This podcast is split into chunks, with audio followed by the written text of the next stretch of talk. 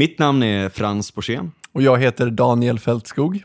Vi eh, har tänkt att göra en eh, podd och den kommer handla om jävligt mycket olika grejer. Det kommer handla om politik, ehm, och det kommer handla om eh, kultur, det kommer handla om musik, filosofi, teknik, akademi, så brett som det är. Mm. Och, Allt vi eh, tycker är kul. allt vi enkelt. tycker är kul och intressant. Och eh, förhoppningsvis eh, få hit väldigt roliga gäster för att kunna diskutera det här och se var eh, de mest intressanta, roligaste frågorna är. Ska vi köra? Lachaim. Skål! Skål. kör vi.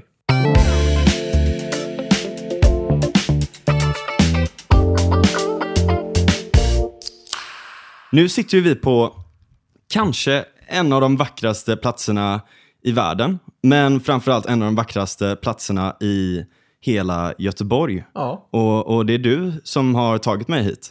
ja, det är ju den eh, så kallade klassiska Håkan Hellström-lokalen, eller kanske, vad heter filmen? Känningens Känningens sorg. sorg, Känningens ja. sorg-lokalen. Precis, festen man ville vara på. Precis. Festen Så, man har varit på, så vi fast har, i ett annat, en annan form. exakt. Så många gånger. Exakt. Så vi sitter alltså i lokalen som har den här fina terrassen då med den här runda trädäcket som har utsikt över hamninloppet eller utloppet Ja, Röda sten. Röda sten och Den- framförallt Älvsborgsbron. Ja, denna gigantiska skönhet. Eh, och eh, du tog mig hit för att det var, sagt, att det var dags att, eh, att göra en podd helt enkelt. Ja. Och det, det kände jag att det, det var det fan. Ja, alltså det roliga är ju att vi fyller ju typ år på samma dag, tror jag. Ja, 24 januari. 24 fyller du, jag fyller 26. Ja, Så vi är två vattenmän. Men, och, det, och det är ju det som är det roliga, för att du typ så här, du skulle ju ha din 25-årsfest precis. och skulle då hyra den här lokalen. Antingen den här lokalen eller lokalen bredvid. Precis. Hård konkurrens om de två Hård bästa ställena i konkurrens. Göteborg. Hård konkurrens. Och, eh, så då var du här och jag var här och bara visade dig runt lite grann. Eh, och det var liksom min första eh, bild av dig överhuvudtaget. Ja, Vi har ju massa gemensamma vänner och de hade ju sagt att ja, men Frans vill komma förbi och kolla på lokalen. Så jag bara, ah, okej. ja. Ehm, så att jag visste ju lite grann vem du var redan där. Men sen blev det ju så att du hyrde lokalen bredvid här istället. Ja. Det var lite större och lite mer, mer välutrustad för att ha en släkt där också. Ja, ja men det är fullt förståeligt. Ja. Det är en fri marknad. Det, Eh. men vi var tvungna att stänga två där dock, det var lite segt. Men, men man fick göra en trade-off. Stänga två? Varför då? Ja, nej, för att de, du vet, han han är lite mer seriös där. Ah, Men jag var tvungen att ha släkten där också, så det, blev det, det fick bli så. Så fick vi ha en buffé där och lite grejer. Jaha, jag visste Men det inte gick att var någon begränsning på när man fick, eh, hur länge man fick ha det öppet. Nej, han skyller på er. Ja, precis. Ja, Ja. det är så. Japp. Ja, men i alla fall, sen såg jag, jag är ju en ihärdig läsare utav GP såklart, det måste man ju vara, eller? Ja, patriotiskt. Ja, ehm, och då såg jag eh, en debattartikel som du hade skrivit eh, Ja. där. eh, där du skrev om att vi måste legalisera... I once again ask you Ja, to legalize. legalize, legalize. Och då kände jag att, ja men fan den här snubben, han eh, har ju fan huvudet på, på skaft. ja. Fan vad nice. Men du hade hört avsnittet med uh, Ja, Sus Grejen var, också va? exakt, Ja. det var det jag hade gjort. Jag hade hört det avsnittet långt innan och då hade det liksom bara så här, ja skitsamma. Shoutout till Johan Norberg, Mattias Svensson och Fredrik Segerfeldt. Ja, Ni och- är bäst. Ja, och denna underbara podd som typ kommer ut en gång vartannat år om man har tur. Ja, nu för tiden ja. Ja, det är den frekvensen det är. Ja. Ehm, men i alla fall, så att jag eh, hörde det avsnittet lång tid. Men sen, sen efter jag hade läst den här debattartikeln någon månad senare när corona kom och man jobbade hemma och jag satt hemma och jobbade och lyssnade på mycket poddar så lyssnade jag ju såklart om den här underbara podden och då insåg jag att fan det är ju Frans igen. här är han igen! så jag tänkte att... eh, Fatalistiskt återkommer jag till dig liksom. Precis. Ja. Och då tänkte jag att så här, och då var du där med Andreas va? ja, precis. Andreas Eriksson. Just det. Väldigt bra avsnitt för övrigt, det måste man lyssna på. Ja, den nya centern Var det det? pratar vi om då. Just ja, det. Nej, men lite så här. Vi var citera. chad, centrist chads innan centrist chads ens var ett koncept. Okej. Eh, Okej, men i alla fall så... I just wanna grill. I just wanna Ja, grill. precis. ja, ehm, vad fan var jag? Jo, och då tänkte jag att fan vad kul det vore att starta en podd med dig och Andreas och så kan jag sköta ljudet. Liksom. Mm. Det var min första initiala idé. Så jag skrev till dig ett långt jävla meddelande på Facebook, vi kände ju inte varandra eller någonting. Så jag bara, kom igen, vi, vi gör det här liksom. Eh, och, och jag har alla grejer, jag har liksom allt vi behöver för att göra den här grejen Ja. liksom. Vad fan kände du då? Vad vad är det för idiot? Jag låg sjuk i corona. ja, okej, perfekt Faktiskt timing. att jag, jag kände, jag hade liksom fyra timmar av uh, neural aktivitet om dagen ungefär. som var liksom någorlunda på ett liksom medvetet kognitivt plan. Liksom. Eh, jag var jävligt utslagen, det satte sig i huvudet på mig på något sätt tror jag. Att jag, jag blev helt fullständigt så eh, liksom, eh, utslagen och dum i huvudet typ, för att all, all energi gick åt att bekämpa det här. Ja, Uh, denna kung flu liksom. Eh, så att, ehm, men, Men du var sjuk i typ tre veckor eller någonting? Ja, jag var sjuk i tre veckor och jag pluggade inferentiell statistik under tiden. Och det var så jävla tråkigt. Ja. Men det, nu är jag klar med den kursen, så det var ju väldigt skönt. Ja, det var väldigt, vi- vilken, vilken kämpainsats ändå. Alltså Ja. ligga sjuk i det nya coronaviruset och ändå lyckas liksom Ja, precis. Men det är liksom extra viktigt det där just nu också, för det har ju kommit den här nya skandalen. Eller ny och ny är den verkligen inte, men det som kallas replikationskrisen. Mhm. Eh, som är praktiskt taget, liksom, du vet alla de här klassiska, eller inte alla, men liksom nästan alla de här klassiska psykologiska experimenten. Mhm. eh, som är typ ehm, eh, ja, det här prison experiment, du vet där. Just det. Ja, till exempel det. Stanford. Ja, ja precis. Var det det? Stanford prison Ja. experiment. Just det. Eh, helt, helt fake. Alltså, du vet, eller det är så här, det är liksom manipulerade resultat liksom. Och det är gång på gång på gång, även den här du vet, knappen man ska trycka och, Ja, och någon får ont. Och, du vet. Alltså, allt det där har visat sig i slutändan att det är liksom manipulerade experiment. Liksom. Va? Eh, Vänta nu, va? ja, ja. Så det här är inte liksom riktiga resultat de har fått fram? Nej, eller det är manipulerade resultat. Så det är liksom jävligt mycket, mycket bullshit. Typ. Alltså så här, I i det här prison experimentet eh, så är det liksom den som spelade vakt, eller den som var vakten, Mm. det var liksom ingen random de hade tagit, utan det var en person som hade lite så här scenambitioner. Liksom. Han, ville bli, han ville bli skådis. Liksom. Så han körde stenhårt liksom, och gick in i rollen av att vara en hård prison guard. Eh, tar man eh, en av de här personerna, liksom, ett av de mest liksom, kanske citerade grejerna är, liksom, eller jag vet inte om det är mest citerat, men det man pratar mycket om är i alla fall typ en, en person som lägger sig på marken och skriver så här: jag klarar inte en sekund till av det här helvetet. Liksom, Ja. Totalt liksom, neurotiskt breakdown. Liksom. Eh, han, han var bara trött på skiten, han ville därifrån. Ja, det kan liksom. man väl ändå förstå. Ja, det var skittråkigt att sitta där liksom. Och han hade typ plugg att göra. Ja. Eh, och grejen är att så här, men de har ju då, alltså, de, de har tolkat allting lite väl bokstavligt så att säga. Och det finns en hel del anteckningar som visar då.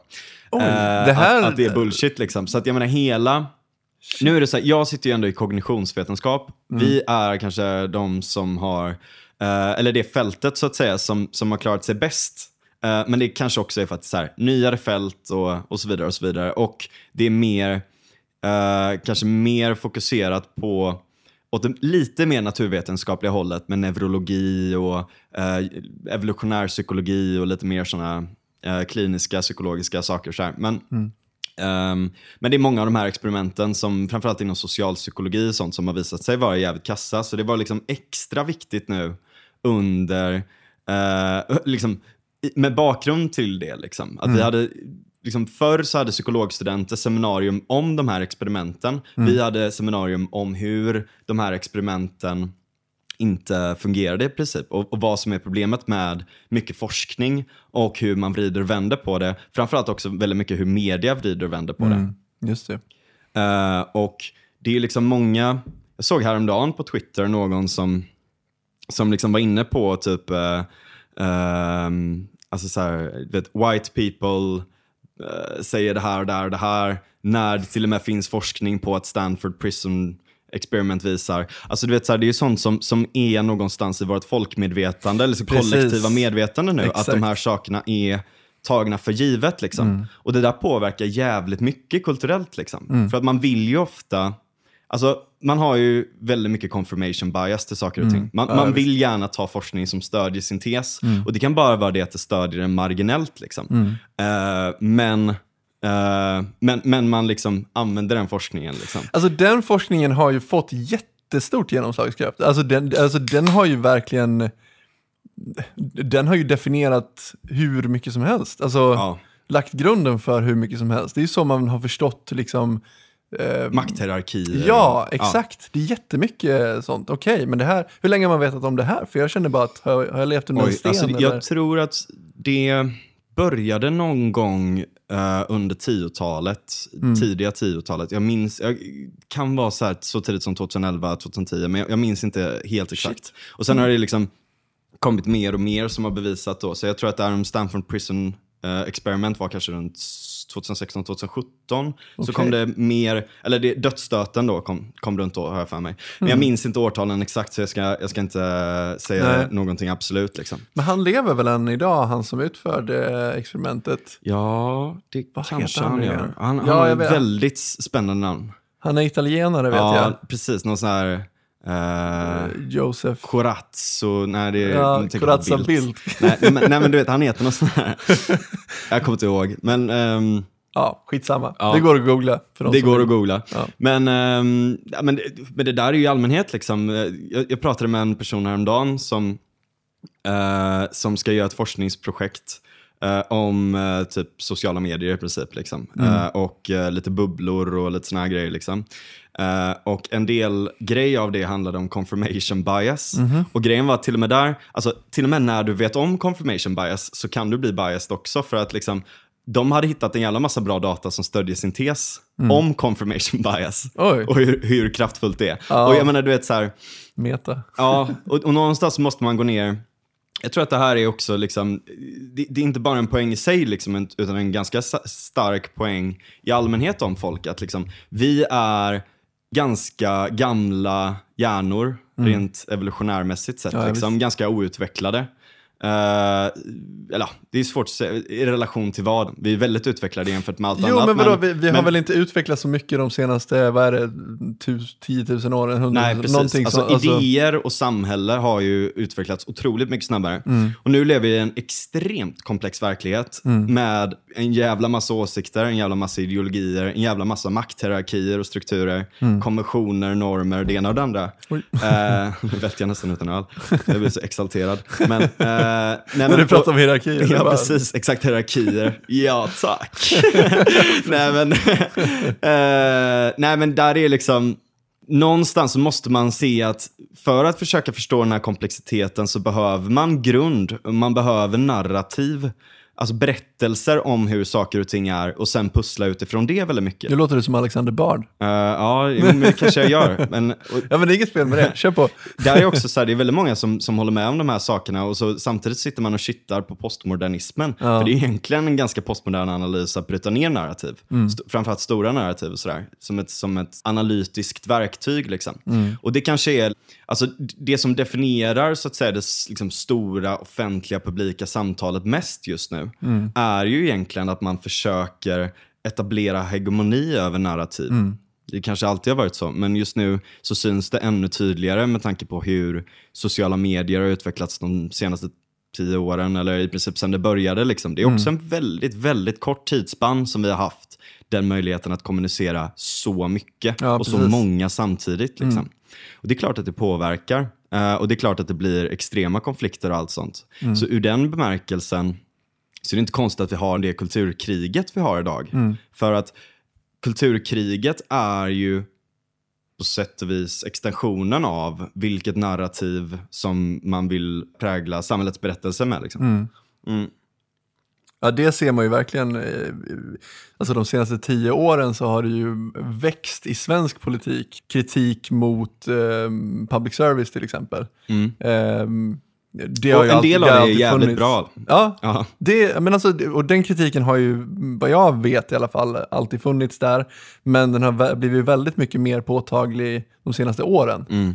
Ehm, och det har ju exakt med det du säger att göra också, en, en, en kritik mot det narrativet som är av, av den härskande klassen, eller vad man nu ska kalla det. Liksom. Ja. Ehm, Alltså det blir ju liksom indirekt den, den statliga Ja, tv-kanalen liksom. Och det är ju det som är ambitionen med public service också. ja alltså Så att- nu är det väl så mer än någonsin, eller mer öppet i alla fall, att det är Mm. på det viset. Ja, precis. Liksom. Och där, är det, där duckar man ganska mycket ofta från... Jag, menar, jag, jag är inte emot public service av ren princip, även om jag typ... Alltså man kan ju ta det här libertarianska stanset, liksom, staten ska inte syssla med tv. Men alltså, någonstans på ett pragmatiskt plan så har jag inget problem med att eh, stat, eller så här, jag har inget problem med att staten sysslar med utbildning. Det tycker jag är ganska bra. Eh, och på ett pragmatiskt plan kan man ändå säga att så här, public service är en del av det. Och det är ganska bra att inte ha en helt korkad befolkning som bara är liksom i klorna på algoritmer av multinationella företag. Nu låter jag som en jävla kommunist där. Nej men, Alltså- eh, nej, men liksom så här, det, det, är liksom, det finns jag kan se bra argument, även om jag kanske inte håller med exakt, liksom, så kan man ändå se de argumenten som att så här, det, det är bra med typ, en stabil informationspelare som är ganska transparent. Liksom. Men problemet är att det kanske inte alltid är det i dagens läge. Alltså jag vet inte, jag håller inte alls med vad du säger just nu. Jag, jag, jag tycker att det är en jättedaterad idé att vi ska ha en, en stat som liksom vars uppgift är att utbilda folk. Jag, jag, förstår hur du tänker, liksom, att det finns en, en, en fin tanke i det också, att det finns förmodligen bra argument, men jag tror att som världen är på väg nu så är vi totalt, det, den idén är totalt förlegad. Det är en jättegammal grej som, som kommer försvinna. Jag tror mer på att statens roll, förhoppningsvis, nu är det ju min utopi vi pratar om här, Ja, statens roll kommer förmodligen bli mindre och mindre och mindre, hoppas jag. ja. Eh, För att internet gör att varje person får mer och mer makt över sitt eget Precis, liv och så är sin det egen verkligen, liksom. utbildning. Och Eh, där och sin egen typ, bildning man- framförallt. Kollar man på typ så Svenska Dagbladets eh, podd, eh, ledarsidans podd där. Jag tycker Mm. Också att det är mycket mer, mycket mer public service i snitt än vad SVT är. Eh, men det kanske är också för, eller så här, det, det har ju en viss vinkling och det ena och Mm. det andra liksom. Men de är å andra sidan väldigt transparenta med. Ja, Så att då vet man så här att okej, då har jag liksom de här glasögonen på mig. Nu låter det som att vi är tillbaka i 2014. Men, Mm. Ja. nej, men du vet att så här, man har ett litet filter till att så här, okej, men det här är utifrån de här, de här personerna. De kommer vinkla frågorna, eller de kommer lägga upp frågorna på det här. Ja. De kommer ha det här urvalet. Det är ofta det, alltså SVTs problem är ju att det är liksom en soft form, alltså i motsats till hard eh, form av vinkling. Liksom. Att ofta handlar det om eh, vilka frågor man väljer att lyfta i urvalet. Eh, exakt. och vilka, alltså hur man presenterar dem, eh, hur man, ehm, ja, vilka man bjuder in till att diskutera det. Ja. och, och så vidare och så vidare. Och det här kan ju Ehm. vara allt från väldigt subtila saker Mm. som jag förstår, alltså, för, för det är ju det som är grejen med, när man kritiserar public service för att vara vänstervridet, som det så vackert heter, väldigt schablon... eh, Vänsterblivna. Ja, vänsterblivna, okej, ännu värre. så när man pratar med folk som är vänster så är ju de ofta totalt blinda inför det här. Ja. Och jag kan förstå det för att när man pratar om problem, eh, jag är ju blind för mitt eget narrativ på många sätt och vis. Mm. Och jag kan tänka mig att om Det man är lite lever... man vänjer sig vid lukten liksom. Exakt, Ja. precis så. Så att ett bra exempel är, jag kollade på, jag tror att det var Uppdrag granskning, men de beskrev staten som att det var vi. Ja. Att staten var Da, da, Oss. da, da, da, bam, Ja, bam. ja men exakt. Och jag tänkte bara så här, jag förstår att det här liksom flyger över huvudet på, på en person som är Ja. mer åt vänster. För då har man väl någon tanke om att staten är ehm, en representation utav Folket. folket på ett sätt. Ja. Medan jag som ganska hård för liberal, eller vad jag nu ska kalla mig, frihetlig person överhuvudtaget, jag ser det absolut inte så. Nej. Och, Och- och, bara ja. ett bra exempel, jag tror att det var Rothbard som, kom, som hade det exemplet, lite också så crazy exempel, men, Mm. men om det nu är så att staten är vi, då skulle man ju kunna hävda att förintelsen var ett stort självmord. Liksom. Ja. Alltså, det, det blir den logiska Nej, slutsatsen det blir dumt, av liksom. det. Alltså, staten är inte vi, men det är representanterna vi väljer. Liksom. Mm. Det, är det, som, alltså, det är därför det heter representativ demokrati. Liksom. Mm. Det är inte direktdemokrati. Om man kollar lite på the absolute state of the state, eller av politiker just nu, liksom. Mm. Eh, som, som eh, ja, typ intervjun med, med Morgan Johansson där. Liksom. Åh, måste vi ens Det prata om det? ta, en, ta en djup klunk Ja, jag tar en djup klunk. Eh, nej men, där är ett sånt jävla bra exempel på det. Att för det första, inga kritiska frågor. Mm. Och att han kommer dit liksom inställningen att så här, ja, jag kommer inte att ta den här debatten. Jag vill prata själv. Liksom. Hade det varit så, alltså, om, om man ska igenom någon sån här grej, att hade det varit så att han bara så här, okej, jag orkar inte ta världens debatt om det här. Jag sitter inte i den här kommittén, men här är liksom en jävla massa eh, faktuella påståenden om processen eller det ena och det andra och det tredje. Liksom. Men istället så sitter han bara liksom häver ur sig att Moderaterna och SD är, är helan och halvan och, och allt sånt där. Liksom. Och det är ganska ytliga saker, men, men det gör det så infantilt. Liksom. Ja, verkligen. Eh, men, men det stora problemet i det här, och det stora problemet som jag skulle säga är problemet med alla politiker just nu, det är att ingen tar ansvar för någonting överhuvudtaget. Liksom.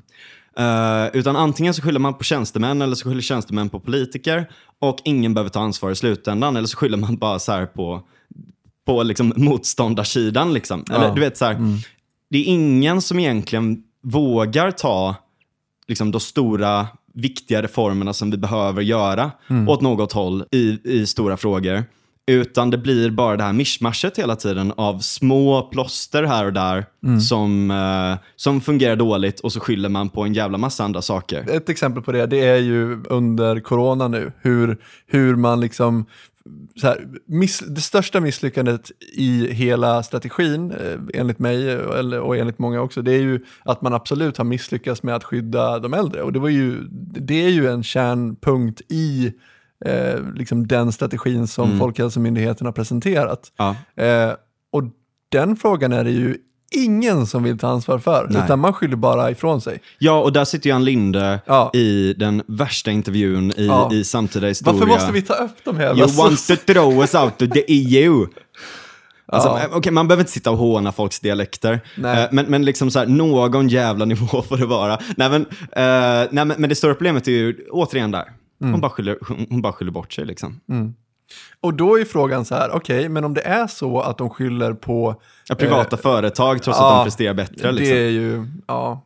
Sen är det så här, alltså Sverige har ju valt att räkna på statistiken på ett annat sätt och det är ju liksom kanske där som den stora andelen av extra fall eller överdödlighet och så vidare, liksom, vad man nu kallar det. Eh, jag är inte epidemiolog så jag, är så jävla trött på den. Men eh, det är snarare där som, eh, som det kanske har visat sig sticka ut mest. Liksom. Och mycket är ju så här, äldre människor som kanske inte hade långt överhuvudtaget kvar av, av livet tyvärr. Liksom. Men så, så är ju livet. Liksom. Som får det och, och dör. Och andra länder har inte räknat på det sättet. Som jag har förstått det då. Men, men samtidigt så är det så här, hur kunde de här människorna få corona från första början? Liksom? Hur kan vi ha så dåliga rutiner? Eh, och det är ju ett seriöst jävla problem. Liksom. Ja, det är väldigt, Och väldigt... vem tar ansvar för det? Ingen. Nej. För det är tjänstemän eller så är det politiker och båda skyller på varandra. Precis, och det är ju det här, jag menar, jag som frihetlig person, eh, ha, alltså jag, jag har ingenting att säga om eh, den svenska strategin i, i den bemärkelsen att vi fick ju extremt mycket frihet eh, att liksom ta ansvar för vår egen Mm. Ja. situation. Och, BNP klarade sig förhållandevis ganska bra faktiskt. Ja, alltså vi var väl på väg liksom, neråt eh, redan innan. Så att, Alltså, det vi hade ju stod- knappt någon tillväxt ens under högkonjunkturen tack Ja. vare sossarna. Men det är ju tragiskt. Men, eller per capita då. Eh, men eh, ja, Ja, den har, den har inte tappat jättemycket. Och Precis. det är inte jättemånga som eh, det är inte jättemånga som har blivit utsatta eh, ekonomiskt till den graden att de har kraschat. Det är också på grund av, av stödpaket och såna här saker. Så jag menar, om, man, om man jämför med många andra länder då. Liksom. Ja. Sen är det såklart en extremt hård hit på ekonomin. Men alltså så här, jag, jag tyckte att strategin var, var en bra strategi eh, för att eh, om man tittade på siffrorna väldigt tidigt, kommer jag ihåg att jag var väldigt eh, noggrann med att göra, och då eh, det var ju många av alarmisterna som också tittade på siffror och kom med helt galna liksom, uträkningar. Jag tror att det var någon som förutspådde att vi skulle få 50 000 döda i Sverige om vi inte körde en lockdown. Ja. Ehm, det pratar man inte så mycket om idag, hur jävla fel de var ute Nej. redan där. Men, men Men alltså, vem vet, om det håller sig kvar länge så kanske man når Jo, upp i det. Men, men de sa ju typ bara på några månader. Typ så här. Ja, det var väl Ja. innan sommar, jag kommer inte riktigt ihåg. Skitsamma.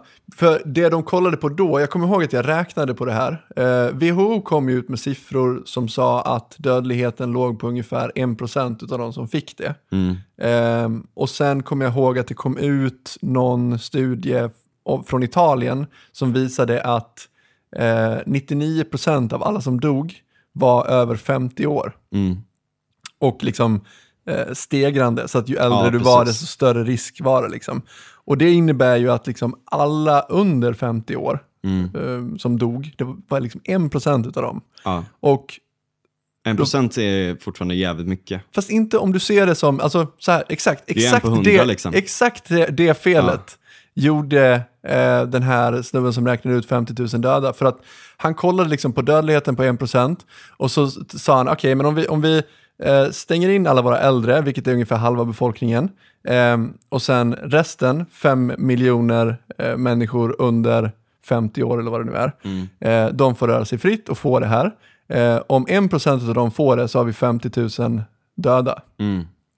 Problemet är ju bara den att eh, om eh, dödligheten ligger, ligger på 1% och eh, 1% av de som dör är under 50 så innebär ju inte det att 1% av de under 50 kommer dö. Mm. Utan det innebär ju att 1% utav 1% utav de under 50 kan man förväntas dö. Mm. Mm.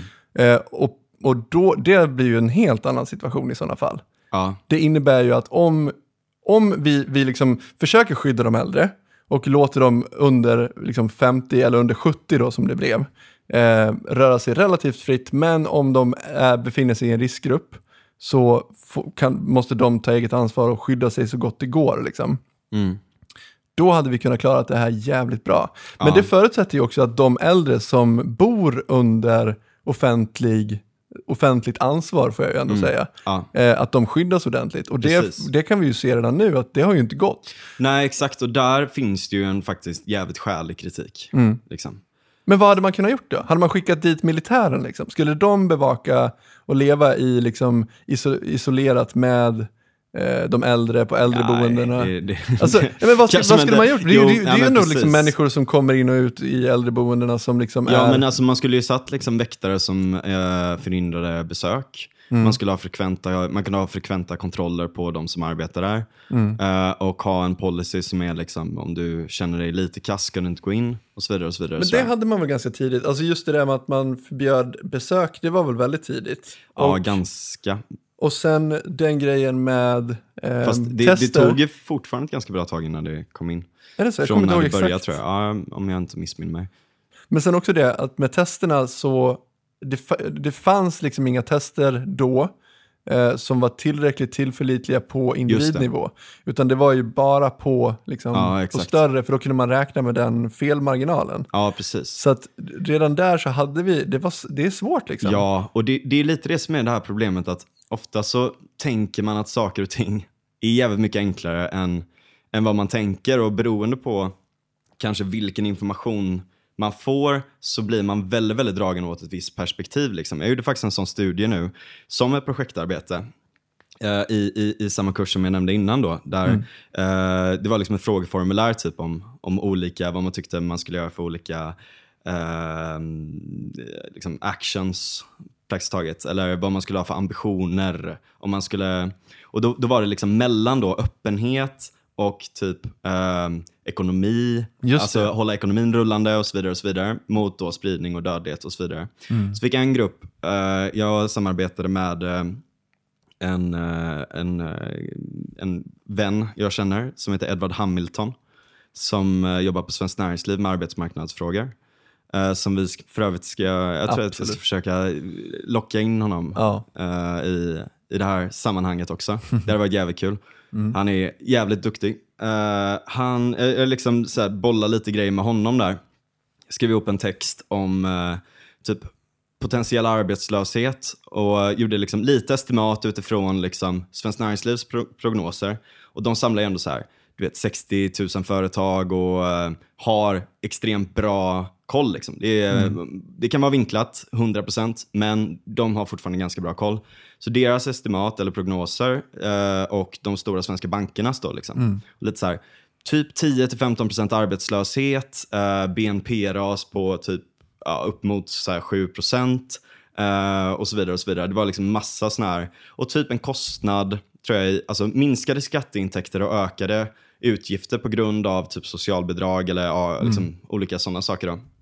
Eller diverse transfereringar på liksom så här 200 miljarder totalt i, i, eh, om året i fem år. Eller 180 eller något sånt där. Ehm, och, och liksom, eh, det, det är ju en jävligt diger bild så att säga av, ehm, av ekonomin. Liksom. Så det var på ena sidan och så var liksom de andra prognoserna från Folkhälsomyndigheten och några, några andra då som, som hade räknat på potentiella scenarion. Så de läste det var för sig, de här två olika grupperna. Och sen så gjorde de formuläret. Eh, och vi fick väldigt bra resultat som visade då att liksom så här, beroende på vad du hade läst innan så hade du vad som kallas en priming-effekt då, i, eh, inom kognitionsvetenskap. Och det är typ om du har eh, sett någonting innan eller blivit utsatt för ett stimuli av någonting och så vidare. och Så vidare eh, så är det liksom, man kan säga lite, lite aktiverat fortfarande i din hjärna så att du har enklare att liksom ta det. Alltså komma, tänka på det sättet. Liksom. För att de, de liksom är redan lite tända, de lamporna så att säga. Men fick de här grupperna svara på samma frågor? Samma formulär, ja. Och så mätte spännande. vi eh, diskrepansen mellan. Då, liksom. För jag gjorde ju det här testet. Ja, just det, ja. Ehm, Och jag Tack. fick ju, ja, eh, ingen fara. Jag, gjorde, jag, jag läste ju ekonomibiten liksom, Ja. och svarade på ekonomifrågorna. Men grejen var den att jag var ju redan liksom, den, jag tror inte att det, den texten förändrade min åsikt så mycket för att det Mm. gick mer i linje med vart jag redan stod. Så är det ju, men vi, vi randomiserade också. Vi hade liksom massa olika, jag och min kompanjon då hade liksom, vi tog liksom massa vänner från, från olika och liksom la upp på våra sociala medier och rekryterade och allt sånt där. Och sen så, så liksom la vi slumpmässigt i grupper då. Och då jämnar ju det där ut sig hyfsat liksom. Men återigen då, så här, problemet när man gör studier i allmänhet är ju så här, hur stort underlag har man? Är, finns det andra bias eller är det så att mina vänner kanske tycker väldigt mycket på ett sätt redan? Eller du vet så här. Ehm, men, eh, men å andra sidan så är det ju liksom, menar, om det skulle vara så att jag har liksom fler, det är väl det att jag kanske har mer liberala eller frihetliga vänner än kanske auktoritära, eh, både i höger och vänster. Eh, så att, så att det kanske spelar roll sådär liksom. Men, ehm, men ja, så man ska inte tolka det som att det är liksom en indikation eh, om, på sin höjd. Liksom. Eh, men, men det är ändå ganska nice att se sådana saker också till det vi snackade om confirmation bias och sånt innan. Liksom, att det, du har väldigt mycket påverkas av vad du har i dina flöden på ett ganska undermedvetet plan ofta. Liksom. Och du kan ha en viss anchoring-effekt, liksom, att du utgår från liksom, det som du läser när du ser annat och sådär också, om du har läst det nyss. Ehm, så att, ehm, ja, nej men och, om, man, om man tänker liksom om just så här cognitive bias, om man tänker informationsflöden, väldigt mycket om narrativ och väldigt mycket av de här liksom eh, ja, ansvarsutkrävning. Nu blir det en jävla röd tråd som leder rakt in i kanske det bästa exemplet på det här just nu. Som är Black Lives Matters och, och Just det. liksom den diskussionen eh, som, som har uppstått runt dels liksom hur är det att vara svart, vilken är en väldigt subjektiv känsla eh, i USA då, helt enkelt. Eh, hur är det att bli behandlad av polisen på ett visst sätt?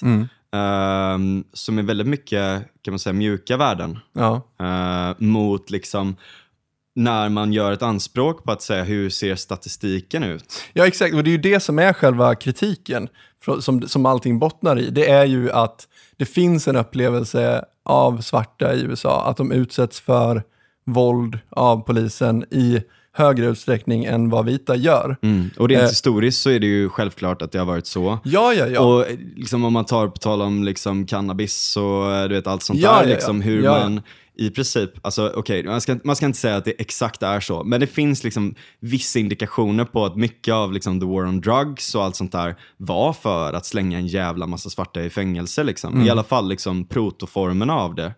Eh, för att där kunde man slänga in dem i privata fängelsen där de kunde jobba som slavar i princip. Liksom. Det är ju djupt. Det finns ju liksom, jag vet inte hur, huruvida det stämmer eller inte, men det är ju den praktiska realiteten av vad som har hänt. Liksom. Ja, ja, absolut. Och sen är det ju det, jag menar, eh, om man tittar på statistiken över dödligt våld som polisen utövar i USA mot befolkningen, eh, så, så är det ju ungefär, om man tittar på de som blir skjutna utav polisen varje år, eh, så är det ungefär Alltså det är ju det är ju en, det är en stor del, det är en största del vita människor som blir skjutna av polisen. Det är 52 procent ungefär. Och det är ju kanske inte så konstigt med tanke på att vita i USA är ungefär 60 procent av befolkningen. Ehm, det konstiga är ju att 32 procent av de som skjuts är svarta amerikaner. Och då ska man ju veta att svarta, den svarta befolkningen är 13 procent Mm. utav den totala. Precis. Så att då, då har du alltså, jag tror man räknar på att det är ungefär eh, 2,8 gånger större risk att bli skjuten som svart Mm. av polisen. Men sen är det också den att de... Alltså, Får jag bara ta till Ja. exempel, ap- apropå det här. Eh, visste du att om man kollar i NBA, Mm. eh, alltså basketserien, National Basketball Association heter det väl? Mm. Ja. Ehm, ungefär, alltså uppskattningsvis 80% av alla matchstraff som utdöms där Mm. är svarta spelare. Ja. Och då ska man också ha i åtanke att svarta är ju egentligen bara 13% av befolkningen. ja. Men hur många andelar av, äh, av baseballligan är de? Av basket, Eller basketligan, förlåt. Exakt. That's my point. De är ungefär 75-80% svarta. Ja. Men det är ju det här som blir fel då. Ja, precis. Om man tittar på befolkningen i stort ehm, i ett sånt här sammanhang så kan man få en lite konstig uppfattning. Eh, det finns en kille som heter ehm, Joseph Cesario som är associate professor i psykologi vid Michigan, Michigan State University. Mm. Han tyckte att det vore intressant att kolla på hur stor andel, eller hur, hur det här reflekteras i den kriminella befolkningen. Mm. Alltså hur stor andel utav de som skjuts av polisen, eh, hur, hur, alltså benchmarka inte det mot eh, populationen i stort, utan benchmarka det mot andelen hos den kriminella befolkningen. Mm, precis. Och det är väl 50 procent. Det är den här eh, liksom, memen som grund hela tiden. Despite being 13 procent of the population, they commit 50 percent crimes. Ja typ, men eller exakt, här. Ja, precis, exakt. Just det. Eh, och där kan man ju se, alltså, Nu citerar jag precis en rasistisk meme, så nu är vi cancelled innan, innan vi Ja, ens hinner börja. Ja. Eh, nej men grejen är ju den att eh, den här studien är faktiskt jävligt bra. Jag, jag rekommenderar alla att läsa den. Och den visar ju på att eh, det är inte så. Alltså om, om, man, om man benchmarkar mot den kriminella delen av befolkningen så är det inte så att polisen skjuter eh, svarta i någon högre utsträckning än de skjuter någon annan. Ehm, Nej, nej, visst. Och, och, och då måste man ju också se att så här, någonstans är det också, är det, alltså är intentionen av att göra det rasistisk? Alltså är den här personen, är det liksom racially motivated? Eller är det så att de personerna är liksom mer våldsamma? Eller är det så att eh, det kanske är så att liksom polisen går på svarta initialt och kollar dem mer? ja, så kan det Alltså, absolut vara. Du vet att, att, att liksom det, det är liksom fler så att säga saker som kan leda till en eskalering som sedan leder till liksom. Exakt.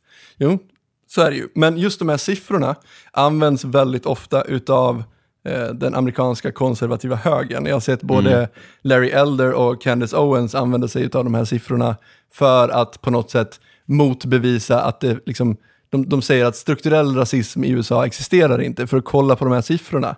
Eh, svarta skjuts inte av polisen i någon större utsträckning. Eh, Och jag menar de flesta, det var ett jävligt bra klipp som jag såg faktiskt på, eh, på som flög förbi på Twitter där med någon polischef som blir, eh, eh, som blir liksom attackerad och han säger att liksom så här, okej vi har haft några enskilda fall där polisen har skjutit svarta. Men just nu så står ni och uppehåller mig medan det är liksom en femårig svart, eh, svart barn som har blivit skjuten i huvudet. Liksom.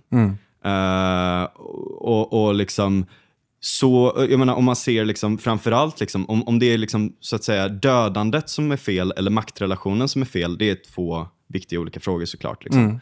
Eh, men, eh, och jag menar att polisen utövar våld, alltså så att säga staten utövar våld mot folket är eh, liksom värre i vissa andra sorters parametrar så att säga. Liksom. Även om en, en död alltid är tragisk Jo, ofta. Liksom. Men, Absolut, finns det den aspekten? men, Jag- men, men där är det liksom då att så här, de, alltså i, i, i högst grad så dödas ju svarta av svarta och vita dödas av vita Ja. Mm. och så vidare. och så vidare liksom. Eh, på grund av liksom, segregation och, Ja, och så vidare. och jag, jag har liksom. sett Larry Elder säga liksom att eh, du, du har större risk att bli träffad av blixten i USA som svart än att bli skjuten av polisen. Ja. Eh, och det stämmer säkert, det, det, det har jag ingenting emot. Problemet är bara när man använder siffror, alltså kvantitativa mått, Exakt. för att be, be, beskriva någonting som rasism till exempel, struktur, på strukturell nivå. För då pratar du om någonting helt annat. Ja. Eh, och det här är ju någonting som inte bara den konservativa högern i USA är skyldig till, utan det här ser vi ju även på, på hemma här, liksom. både på absolut. höger och vänster. Eh, ett exempel är ju liksom hur vi pratar om jämställdhet i Sverige. När man pratar om jämställdhet med människor i, i allmänhet så eh, det man tänker på, skulle jag liksom argumentera för, det är att om, om man tänker sig ett, ett samhälle som är jämställt, eh, då innebär det att kön har ingen eh, betydelse för vart du kan nå som individ. Ja. Det är det gemene man tänker på när man tänker på jämställdhet. Men trots det så är vi så jäkla bestämda att det vi mäter jämställdhet på, det är kvantitativt. Vi tittar på bolagsstyrelser och så säger vi liksom att ja, men här sitter det 90% gubbar. Det är inte jämställt. Och det är ju, det är ju ett helt galet argument för att det, det säger ju egentligen ingenting om de här individerna som sitter i den här bolagsstyrelsen, om, de, om det finns den kulturen där eller inte. För du kan inte mäta kultur kvantitativt, kvantitativt på det sättet. Ehm, Nej, precis. Alltså, kulturen kan ju mycket väl existera där också.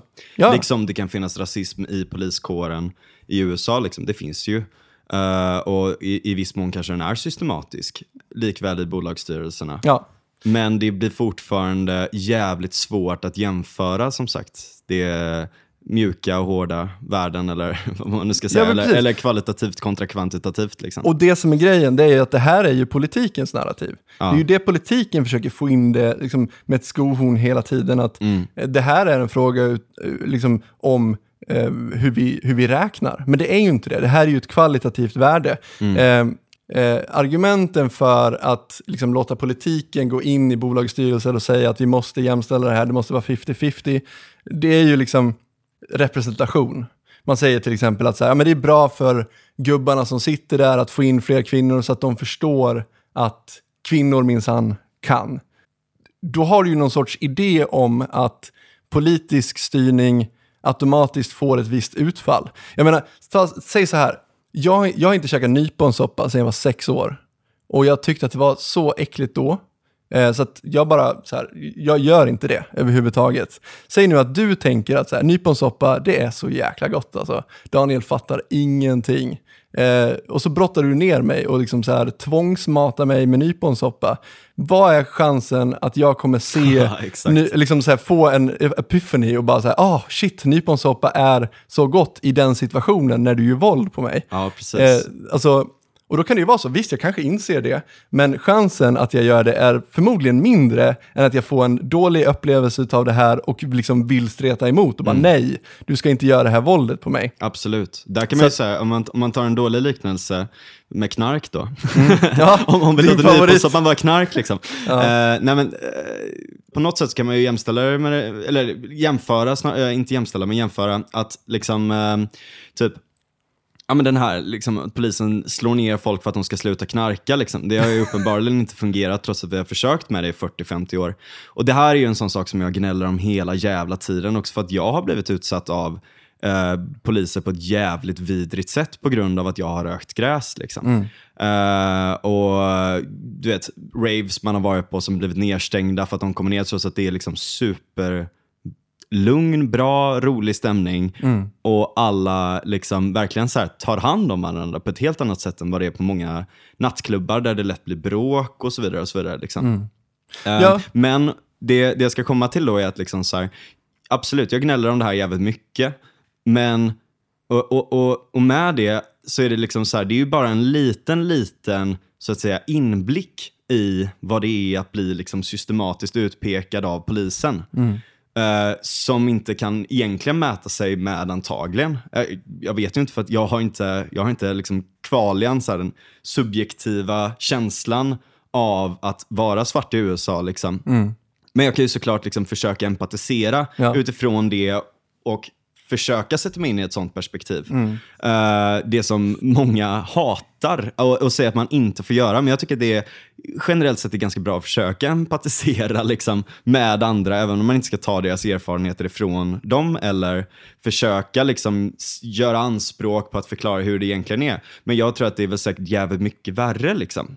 Att, att liksom, du blir lätt pinpointad. Eh, och du blir, det är större sannolikhet att de går fram och frågar dig någonting. Och då kanske det är liksom, alltså eftersom att de är på mer så kommer det såklart komma sådana här situationer där det också händer att någon har typ knark på sig och inte vill hamna i skiten eller du vet.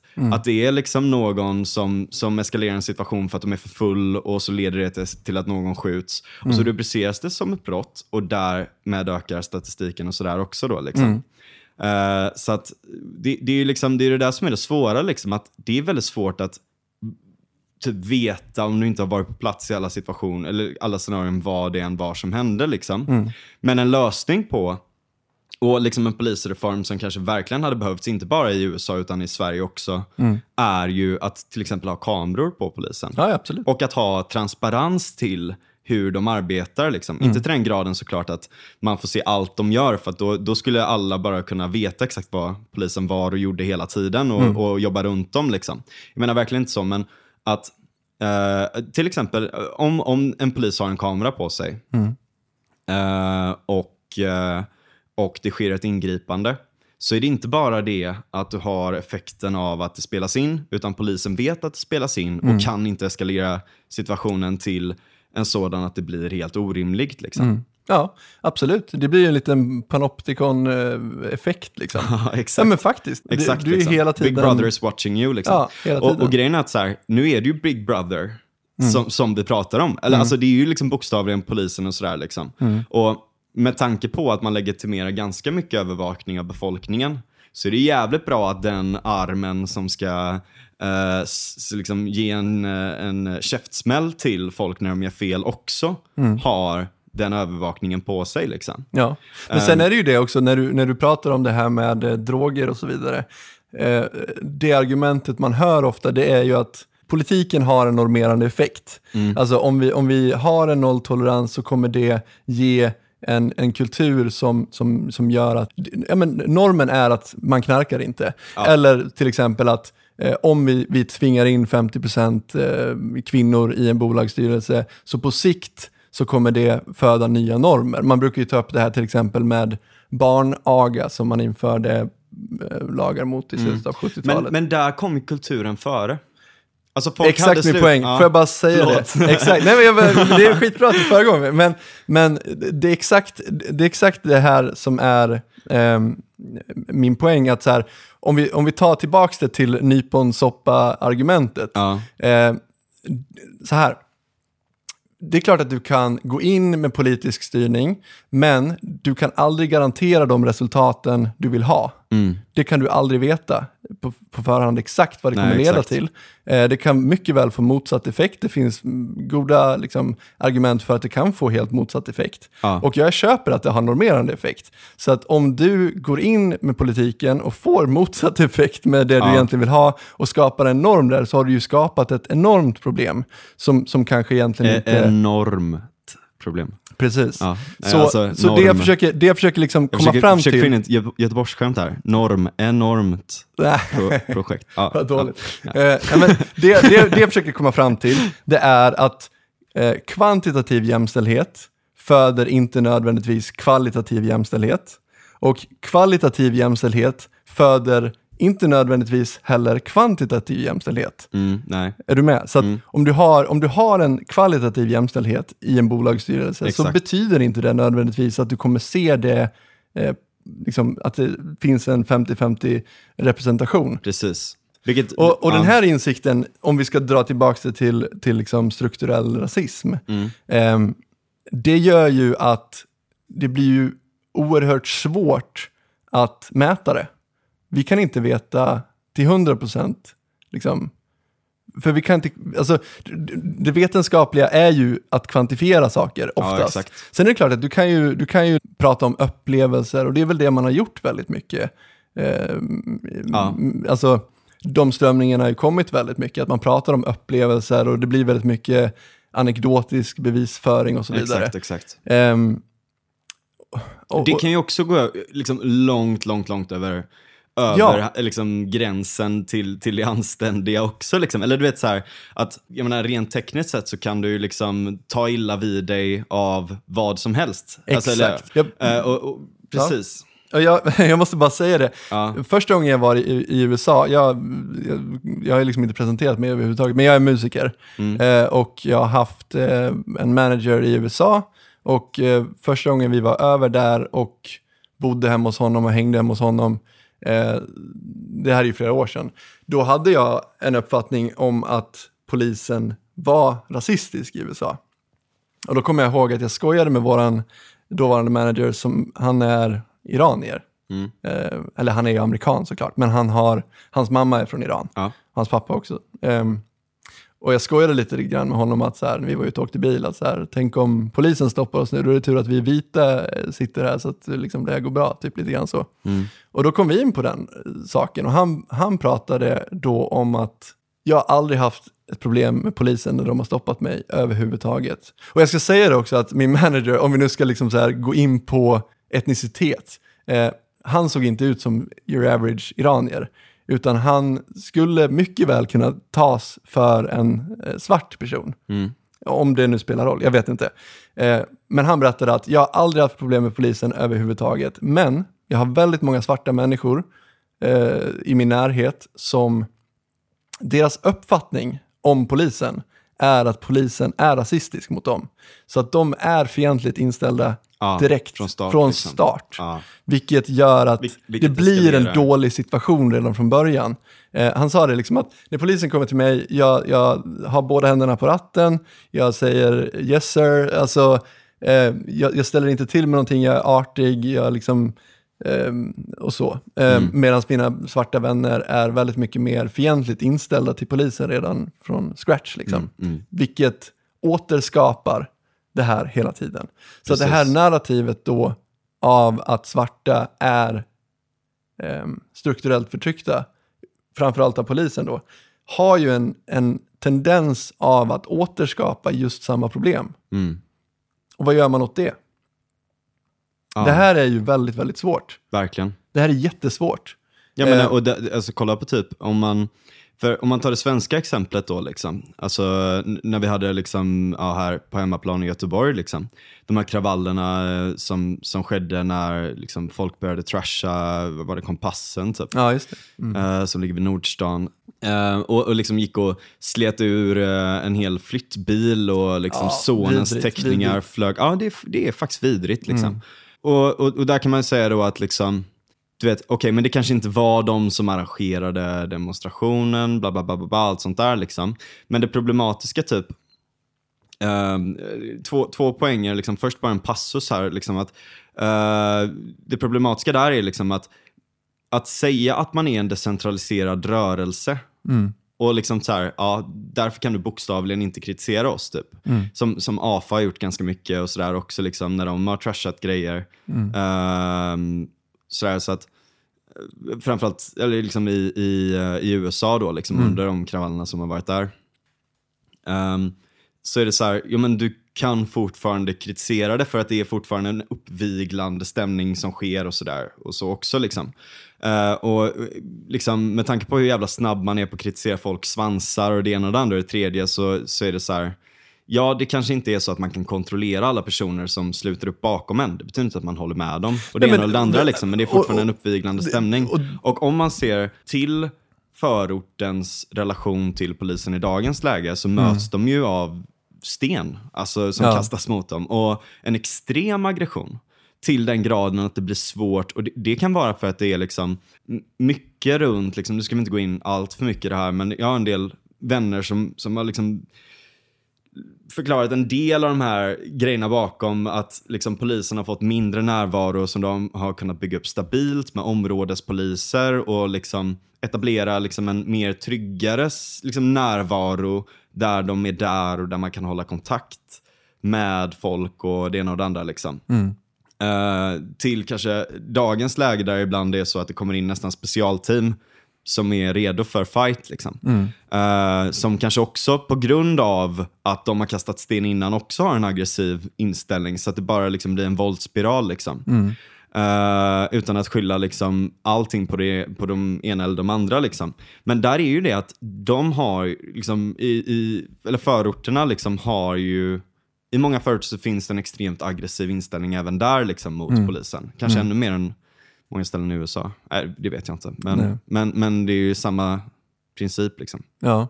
Jag tänkte på det när du sa det med eh, att ha en decentraliserad rörelse som inte är definierad och inte har några gränser. Och att man, kom, att man tror någonstans att man kommer undan med det. Men, men, och då återigen den här svansargumentet då. Jag fattar inte riktigt. Alltså, det måste ju ändå ge något incitament till att liksom väl definiera vart gränsen för vad jag är ansvarig för går utåt. För att om du inte gör det så, så är, är du ju mer ansvarig för din svans och vad din svans gör, tycker Ja. jag då i sådana fall. Precis, det, det är väldigt sant. Jag har ju blivit konfronterad av det någon gång sådär, liksom, att jag har en del följare som, eh, som inte jag följer, men som är på mina grejer och skriver liksom, ja, är mycket alt-right folk liksom. Eh, som är på liksom, och skriver det ena och det andra sådär. Och, Var de mot dig eller med dig? Eller vad? emot mig. Ja. Liksom. Eh, men som, det kan vara att jag lägger upp någonting som är liksom, ja, det kan vara egentligen vad som helst för de hoppar jag är för rasblandning. nej, nej men liksom, ja men typ, det var uh, det är sån här cursed alt-right uh, meme som gjordes av mig, där jag var för folkutbyte. Folkutbyte, Yes. just det. Eh, Ja. Nej men du vet, eller det ena och det andra, eller typ när eh, så här, om, om Hanif retweetar en någon gång och det kommer en armé av liksom, Leif 57 från Floda som skriver liksom Har mycket sådana följare. Sossarna är vänsterblivna, så här, du vet, eller du Ja. vet, allt sånt. Liksom. Och det är så här, någonstans så är det, alltså det ansvaret man kan ta är ju lite så här att definiera vad tycker jag, vad står jag för, vad jobbar jag för? Och hur andra folk reagerar på det. Om de tolkar en sak på ett annat sätt så är det liksom så här, jag kan ju inte gå in och liksom i deras hjärnor, liksom mer, mer än liksom med eh, vad jag säger, liksom försöka övertyga någon om någonting. Men om de tolkar det på ett helt annat sätt så är det väldigt svårt att, att liksom stå till svars för hur de tolkar det eller hur de reagerar på det. Liksom. Och, och lite samma sak där om du har så här en sån massrörelse som Black Lives Matters som kanske har, de har liksom vissa core values som är väldigt, väldigt rimliga. Det behövs en polisreform för att polisen är eh, dålig i USA. De har alldeles för kort eh, eh, vad heter det, utbildning. Det är typ sex månader. Ja, nej, inte ens det. Jag tror att det är typ några veckor. Jäklar, Eller vissa, alltså. jag tror att det är vissa stater. Jag ska Ja, inte det är- uttala det är mig. Olika från stat till stat, Men det är, verkligen- det är kort i alla fall. Ja. Ehm, det finns liksom ja, övervåld, stora övertramp och så, och så vidare. Mm. Och det här liksom systemet, dels kårandan, eh, liksom att så här, man kanske inte alltid sparkar folk även om de har gjort fel. Mm. Eh, och de som gör det får kanske får det inte så jävla dåligt ändå, de kanske får en fallskärm eller det så här. Jag vet inte om, om det är exakt så det sker, men det, det finns ju en kritik i alla fall mot hur man hanterar eh, liksom poliser som har gjort fel. Liksom. Eh, så att liksom allt, och, och det juridiska systemet som hanterar deras fall och så vidare. Och så vidare. Ehm, och typ som, som i Sverige, liksom, att polisen utreder sig själva. Det är ju liksom, det kanske inte är helt rimligt. Liksom. Utan man kanske ska ha en separat instans liksom, eh, som inte är bunden till samma så att säga, stora organisation.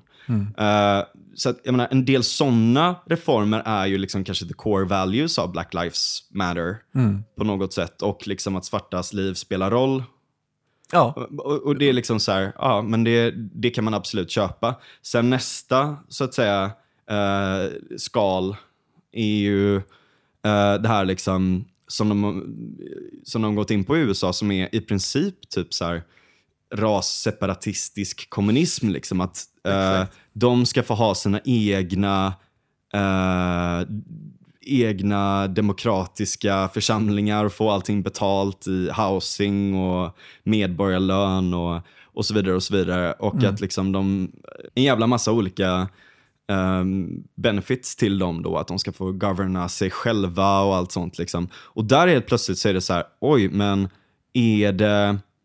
Alltså, då, då, då går man ifrån liksom lika behandlingsprinciper Ja, och att exakt. folk ska behandlas som folk och att man har liksom, alla har ett värde. Black Lives Matter liksom.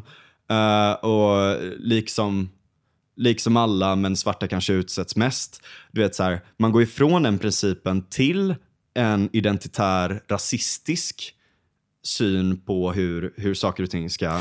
Ja, och det här liksom eh, amplifieras ju av eh, den ideologin då som säger att eh, som svart i USA kan du inte vara rasist. Mm. Eh, och som vit kan du inte förstå hur det är att vara svart. Återigen då, så här, man, man kan ju Det- absolut, liksom, det du kan inte förstå, du kan inte ha liksom, kvalian, in, inte bara liksom, ha sett det utan att ha känt det själv. Mm. Liksom. Det kan du inte ha, men du kan fortfarande sätta dig in i deras situation. Liksom. Vi, Exakt. Alltså, empati utvecklades i människan av en anledning. Liksom. Precis, men och och jag menar, det, man, det här är ju ett så dåligt argument så att det, det kan man ju hacka hål på redan i, liksom, om det nu är så att vi är så separata eh, så att vi inte kan förstå varandra, så, så här, du kan ju inte förstå hur det är att vara svart om du inte samtidigt kan förstå hur det kan vara att vara vit. Mm. Eh, så, att, så att du förstår ju bara din egen situation i relation till någon annan. Eh, och det är ju samma sak med att vara vit. Du kan ju bara förstå hur det är att vara vit i relation till att vara svart i USA till exempel. Mm. Så att, och det är ju det som, jo men just det, att, att, all, att allting, eh, att, att det blir en bias, om vi, om vi återknyter till det då. Ja. Eh, att om du skaffar dig en, en krok i, i din egen sfär där eh, ras står ovanför och allting som händer dig i, i livet. Du till det? Ja, det hänger du upp Exakt. på den kroken. Ja. Medan du som vit inte har någon sån krok. Mm. Eh, utan det händer ju skit mot dig också, men Ja. då tänker du bara liksom att ah, that's life. Alltså folk är dumma i huvudet, eller eh, livet är tufft liksom. Mm, precis, och Eh. där är liksom skillnaden mellan liksom att gå in, att, att se en situation utifrån att man själv är offret eller så att säga göra sig till hjälten i scenariot. Liksom. Exakt.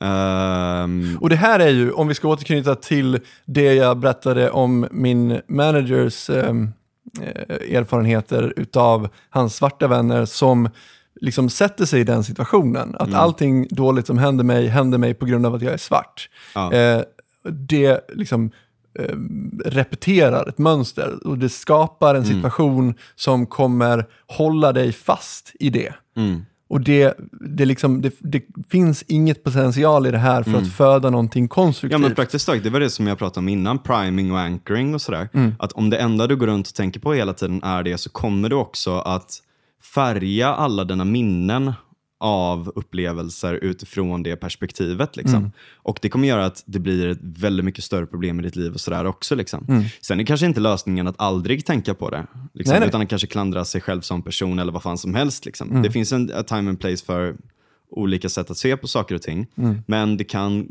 liksom bli nästan en compulsive grej. Liksom. Att Mm. alltid knyta upp det till de sakerna, även om det kanske inte är eh, det som är syftet. Liksom. Mm. Du, kanske, liksom, du kanske inte kommer in i en bolagsstyrelse för att du inte är kompetent nog. Mm. Inte för att du är av ett visst eh, liksom, fys- fysiskt attribut. Liksom. Mm.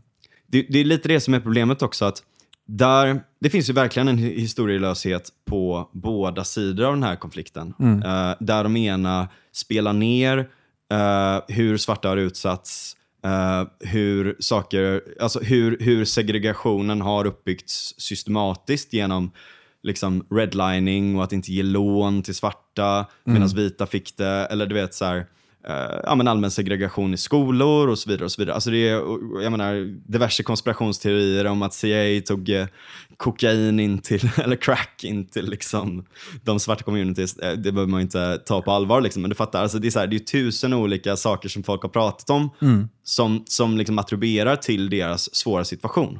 Absolut. Och att inte ta hänsyn till att sådana här saker har byggt upp till en sociokulturell och socioekonomisk problematik är historielöst.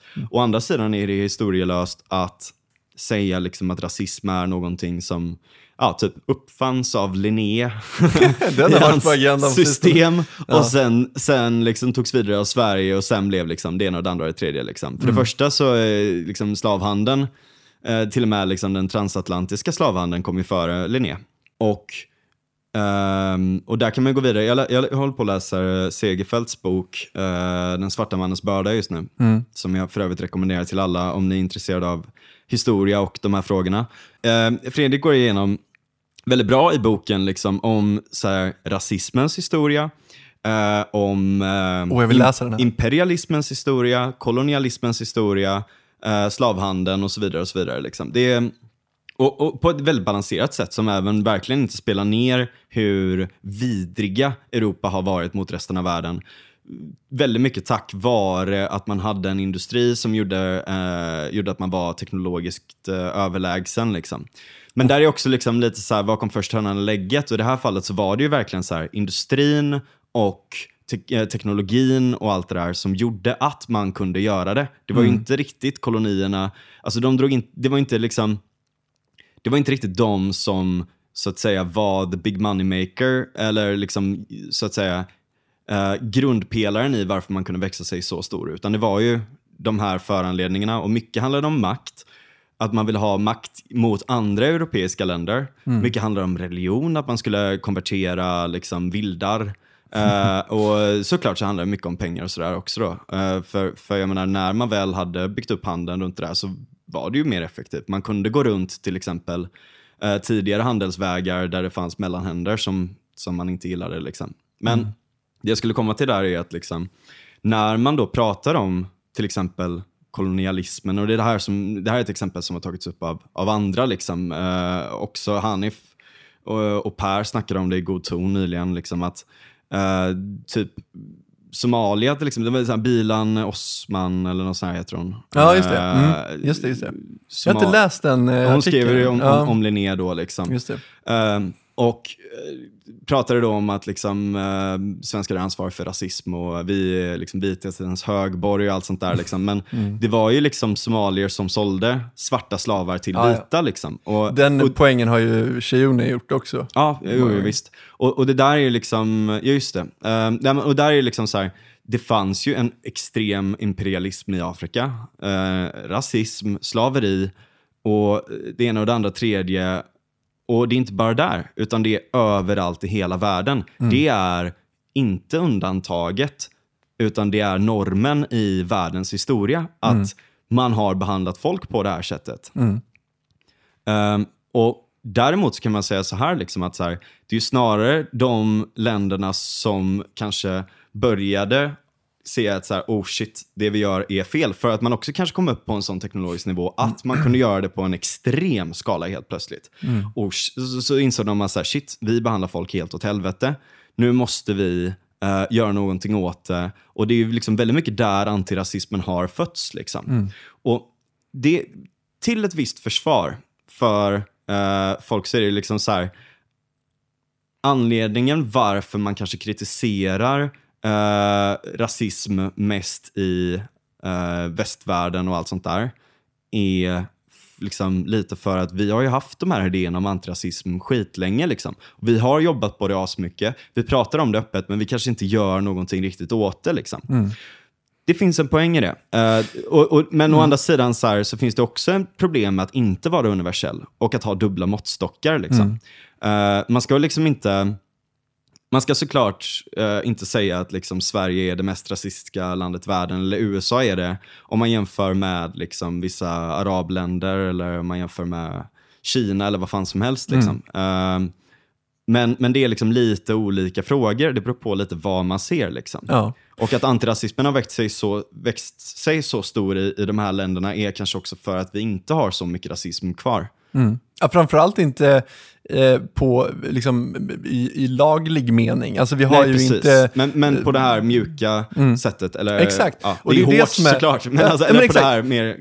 Ja. Liksom, för, för att återknyta till just den grejen då, så, så jag menar, rasistiska lagar och så avskaffades ju i USA eh, för väldigt länge sedan Ja. nu. Eller väldigt länge sedan, det beror på man, hur man ser det. Men, Mm. eh, så att nu handlar ju den här diskussionen inte längre om politik på det viset, utan det handlar ju mer om kultur. Exakt. Ja, så att, och, och det här är ju så typiskt svenskar, att vi har så snabbt till att göra liksom politiken till primat, den som ska sätt, ställa saker och ting till rätta. Mm. Och precis som jag sa tidigare då, eh, politiken kan liksom jobba kvantitativt, Mm. men i de här frågorna så är kanske inte politiken det bästa redskapet. Nej, för den är downstreams från, från kulturen i mångt och mycket. Liksom. Absolut. Så att kulturen kan påverka politiken väldigt mycket, Mm. men politiken kan inte påverka kulturen, i, i, i, inte lika kontrollerat i alla Mm. fall.